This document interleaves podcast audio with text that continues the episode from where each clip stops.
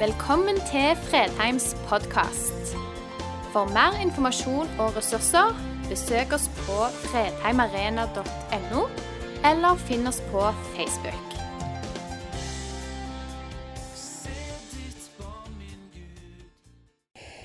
Nå er vi jo som sagt på siste gudstjenesten. Og eh, dette er jo siste søndagen før vi feirer at Jesus har sin fødselsdag 24. Så hva er vel da mer naturlig enn å begynne med det siste han gjorde her på jorda? Å begynne på feil side, det syns jeg er en fin greie. I Matteus 28 så står det eh, det siste som Jesus sier. Da trådte Jesus fram for dem og talte til dem. Jeg har fått all makt i himmelen og på jorden. Gå derfor og gjør alle folkeslag til disipler. Døp dem til Faderens og Sønnens og Den hellige ånds navn. Og lær dem å holde alt det jeg befaler dere. Og se, jeg er med dere alle dager inntil verdens ende. Vi, vi har en ganske kort sånn adventsserie. Eh, og på G2 så blir det bare to ganger. Og da tenkte jeg ja, og Andreas hadde innadvendt for to uker siden, men så er det her med at det, fra innadvendt til utadvendt i prosessen så mangler vi altså fra innadvendt til utadvendt så mangler vi oppadvendt. ikke sant? Så er det sånn Hvordan kan jeg snakke om det å være utadvendt hvis vi ikke snakker om det å være oppadvendt? Så jeg har prøvd å sy sammen en preken som ja, som tar for seg begge deler. da. Um, og Jesus sier som det siste han gjør, at uh, gå derfor ut. Altså, jeg har fått all makt, og den har gitt til dere. Gå derfor ut og forkynn meg. Hvordan skal vi gjøre det? Er det uh, Skal vi reise til Afrika? Skal vi reise til Asia? Skal vi reise til Sør-Amerika? Skal vi gå på gata? Skal vi snakke med familiene våre, kollegene våre, naboene våre? Hvordan skal vi gjøre det? Hvordan, vi, hvordan kan vi være utadvendte med det evangeliet som vi har fått? ikke sant? Når vi har vært innadvendte og eh, sett på oss sjøl, hvordan kan vi da gå ut med det?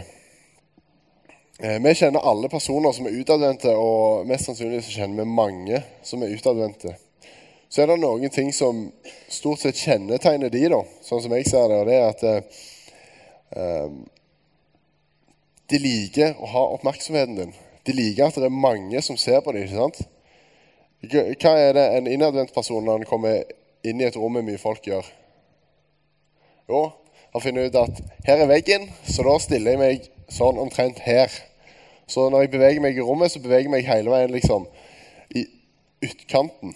Men hvis du er en veldig utadvendt person, det første du gjør liksom Du kommer inn i et rom, og der er det 100 folk. Jo, jo, men da vil jo jeg være i midten. Så da bare vandrer de midt inn. Så ønsker å ha oppmerksomheten. Um, de liker å møte nye mennesker. De liker sin egen personlighet. De liker sine egne vitser og ler veldig gjerne av de. Plager lyden deg nå, Rolf?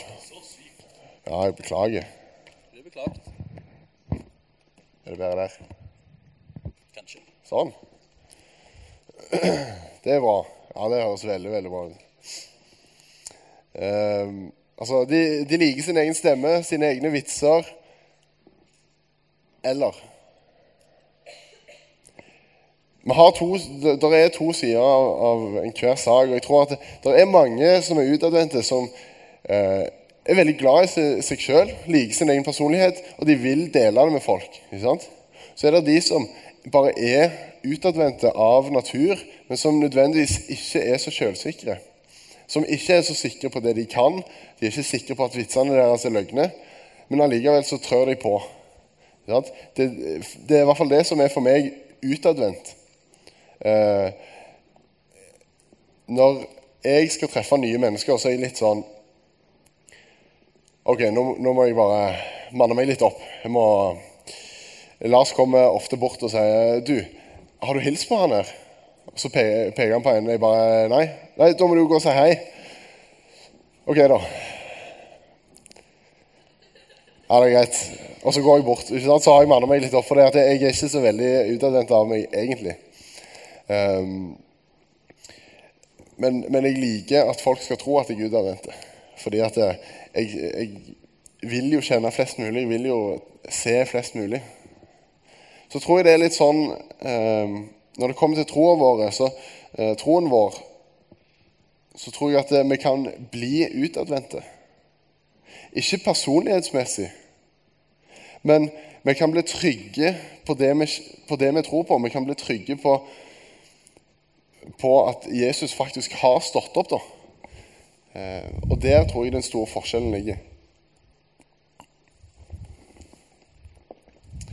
Eh, hvis vi skal være utadvendte, så er vi nødt til å være oppadvendte. For, og min tolkning av det er at det, det å være oppadvendt, det er å faktisk å undersøke om det som vi påstår at det er Guds ord, om det holder vann.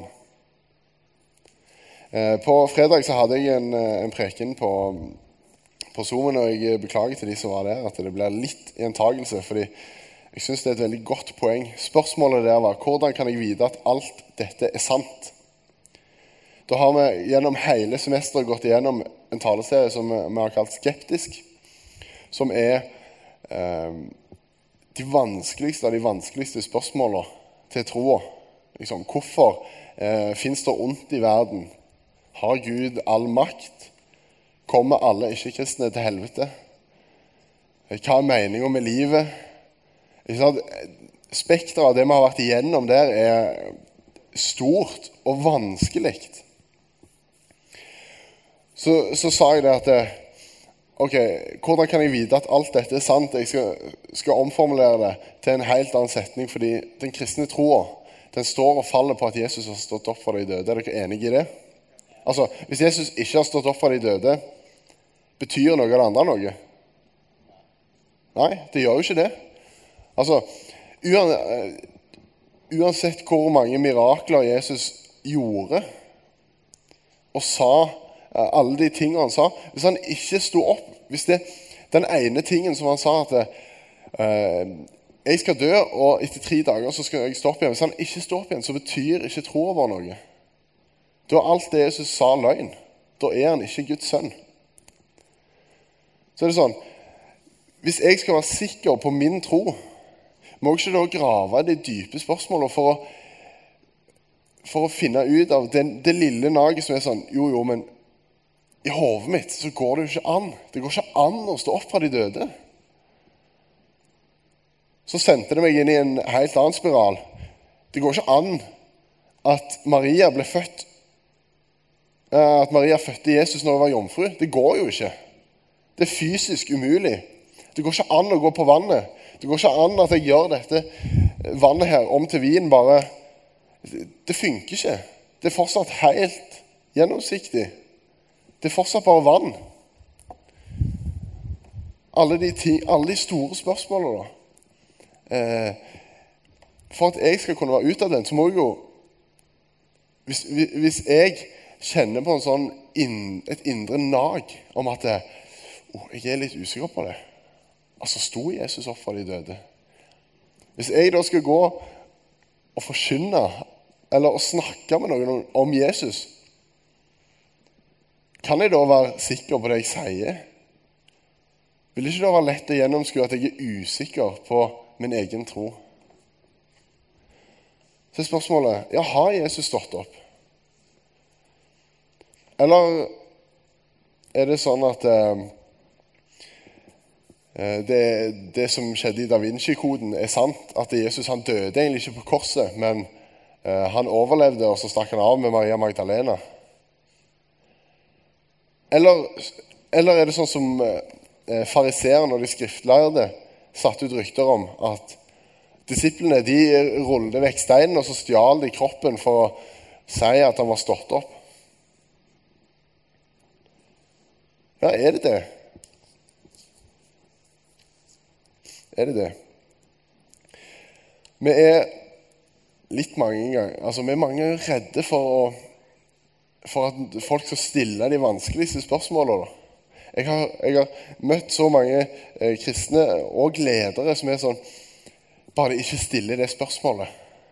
Sånn det ene spørsmålet der Jeg håper de ikke stiller det, fordi da faller alt sammen. Da, da, da ramler hele korthuset mitt.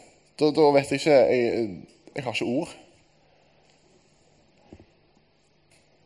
Men Jesus har jo sagt 'Jeg er sannheten, veien og livet'. Jesus er sannheten, og sannheten kan prøves. Meg og deg, vi kan lære å kjenne han der oppe, og vi kan lære å kjenne hans sannheter. Eh, og uansett hvor mye du ønsker å prøve dem, så kommer de til å stå. De sannhetene som står i denne boka her Det er ikke sånn det som er sant for meg, er ikke nødvendigvis sant for deg, men det som er sant i denne, det er sant for alle, uansett hvor mye du vil vedkjenne deg det eller ikke. Men så tror jeg allikevel at vi er nødt til å finne ut av det. Vi er nødt til å bli trygge på at det som står der, faktisk stemmer nå. Så tilbake til oppstandelsen. Jeg leste en bok som heter The Case for Christ. Og han eh, tok for seg så ufattelig mange vanskelige spørsmål der han stilte eh, Han prøvde å liksom motbevise den kristne tro og endte opp med å bli kristen. Og han stilte spørsmålet Hvilke beviser har du på at Jesus sto opp fra de døde? Det fins jo ingen håndfaste beviser på at Jesus sto opp. ikke sant? Så spør han, og det han får i svar, er for det første Disiplene til Jesus var villige til å dø for det de trodde på.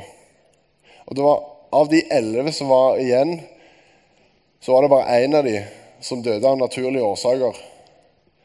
De ti andre ble henretta, men han som døde av naturlige årsaker, satt i eksil resten av livet sitt. Men hvis vi, hvis vi, ser på hva som skjedde rett etter at Jesus døde, så er det at de dro tilbake og gjorde det de kunne fra før av. De dro ut og fiska, for det var det de kunne. Altså, De var helt motløse og ble spredt. Hvordan, du, hvordan går du fra å være motløs og tro, at du har brukt tre år av livet ditt på noe som ikke betyr noe, til å være villig til å dø for den samme saken? Fordi de hadde sett og hørt det Jesus sa. Man er til å tro for det, man, man kan være villig til å dø for det man tror er sant. Men det er ingen som er villige til å dø for det de tror ikke er sant. Disiplene visste at Jesus hadde stått opp. Disiplene hadde sett han og møtt han. Jo, jo, greit nok. Men er det det eneste beviset? Nei. Det, som er kanskje mitt Det jeg liker aller best, det i den boka her Store deler av Det nye testamentet er skrevet av folk som ikke trodde at Jesus var den han sa han var, mens han levde på jorda. Visste du det? Saulus, eller som jeg liker å kalle han Paulus, var jo han som forfulgte de kristne mest av alle. Han var med på å drepe den altså første martyren, altså den som døde for troa si. Så står det at Paulus var enig i det. Eller Saulus var enig i det. Og Det står om um, den kristne som skulle ta imot ham. Herre, jeg har hørt mange fortelle om denne mannen og alt det onde han har gjort mot dine hellige i Jerusalem, og nå er han her med fullmakt fra oversteprestene for å legge i lenker alle som påkaller ditt navn. Hvordan går du fra å være en etterfølger som ønsker å slå i hjel, til å bli den viktigste for saken? Paulus er den viktigste eh, eh, den viktigste apostelen av de alle for spredningen av evangeliet. Hvordan går du fra å være det, altså fra å være helt her, til å være helt der? Uten at du har fått et møte med den oppstandende Jesus. Men det kuleste av alt er at i Johannes 7,5 så står det For heller ikke brødrene hans trodde på ham. Jesus hadde flere brødre og søstre. Og de trodde ikke at han var den han sa han var. Vet du hva? To av brødrene til Jesus har hver sin bok inni her. Jakobs brev og Judas brev er skrevet av Jesus' egne brødre. Og det er ikke sånn når Jesus var liten, så, så gjorde han det og det. Nei, nei. Det de er mest opptatt av, er at, at det han lærte, det skulle, det skulle de holde, det skulle de leve videre. Jeg mener Hvis noen av oss hadde prøvd oss på å gå til familien vår og si at du, se på alle disse tingene jeg gjør, jeg er Guds sønn, de hadde heller ikke trodd deg. Men hvordan får du familien din til å tro på deg? Du må jo bevise det, ikke sant? Og Kirka, verdens største organisasjon Vi har verdens mest leste bok, verdens mest solgte bok hvert eneste år. Den begynte som 120 rufsete mannfolk og damer. Det var tollere, og det var fiskere. Det var bønder, det var opprørere. Det var jo bare vanlige folk. Hvem ville du trodd skulle bestå i over 2000 år? Denne troa til disse 120? Eller Romerriket, som er det mest sofistikerte riket som denne jorda kanskje noen gang har sett? Jeg hadde ikke vedda på de 120 folka, for å være helt ærlig. Men i dag er det jo sånn at vi kaller ungene våre for Maria, Philip, Markus. Vi gjør jo det. Og hundene våre de kaller vi Cæsar og Nero. Ja, det var bra. Det var bedre respons enn på Zoomen. Herlig.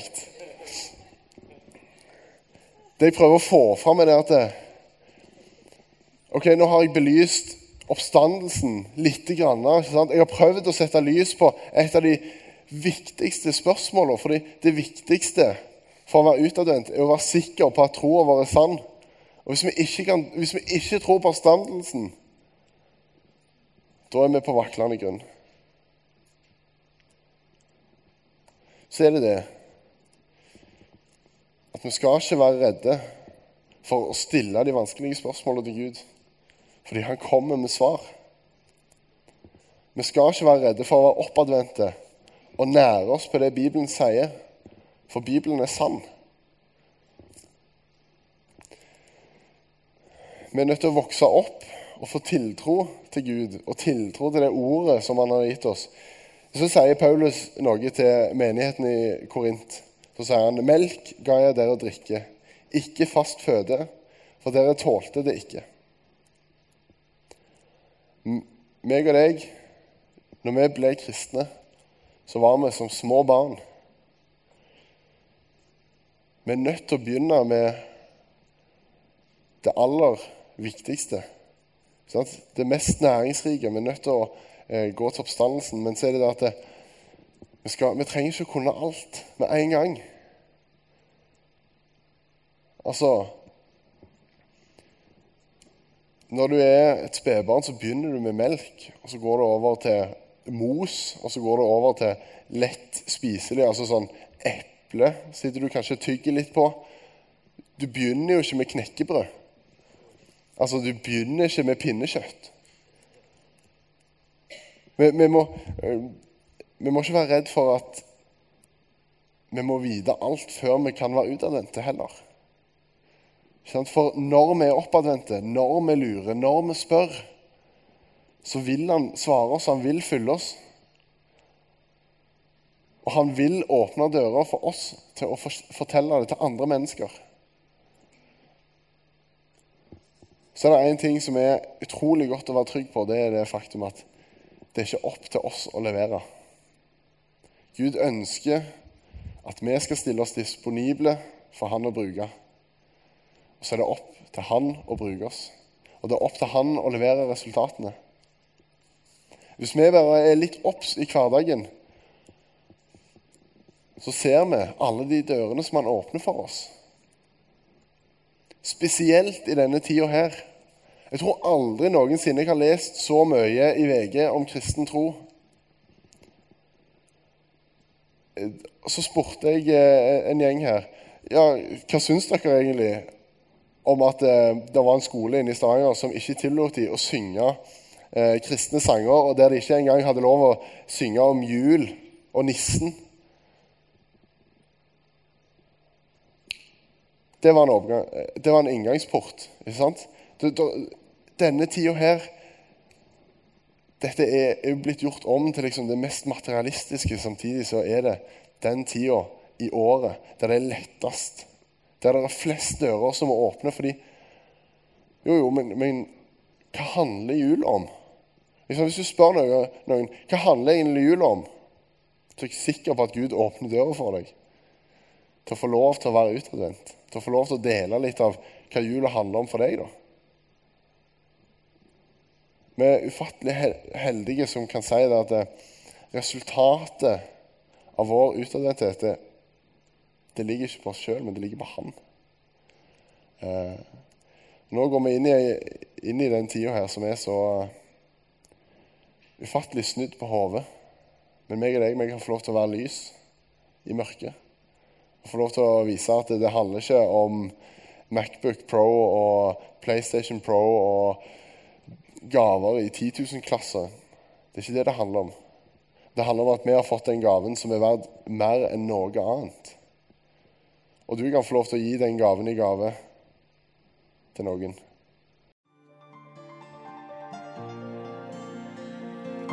Takk for at du valgte å høre på. Nye opptak legges ut hver uke. Vi har gudstjenester hver helg, og du er hjertelig velkommen.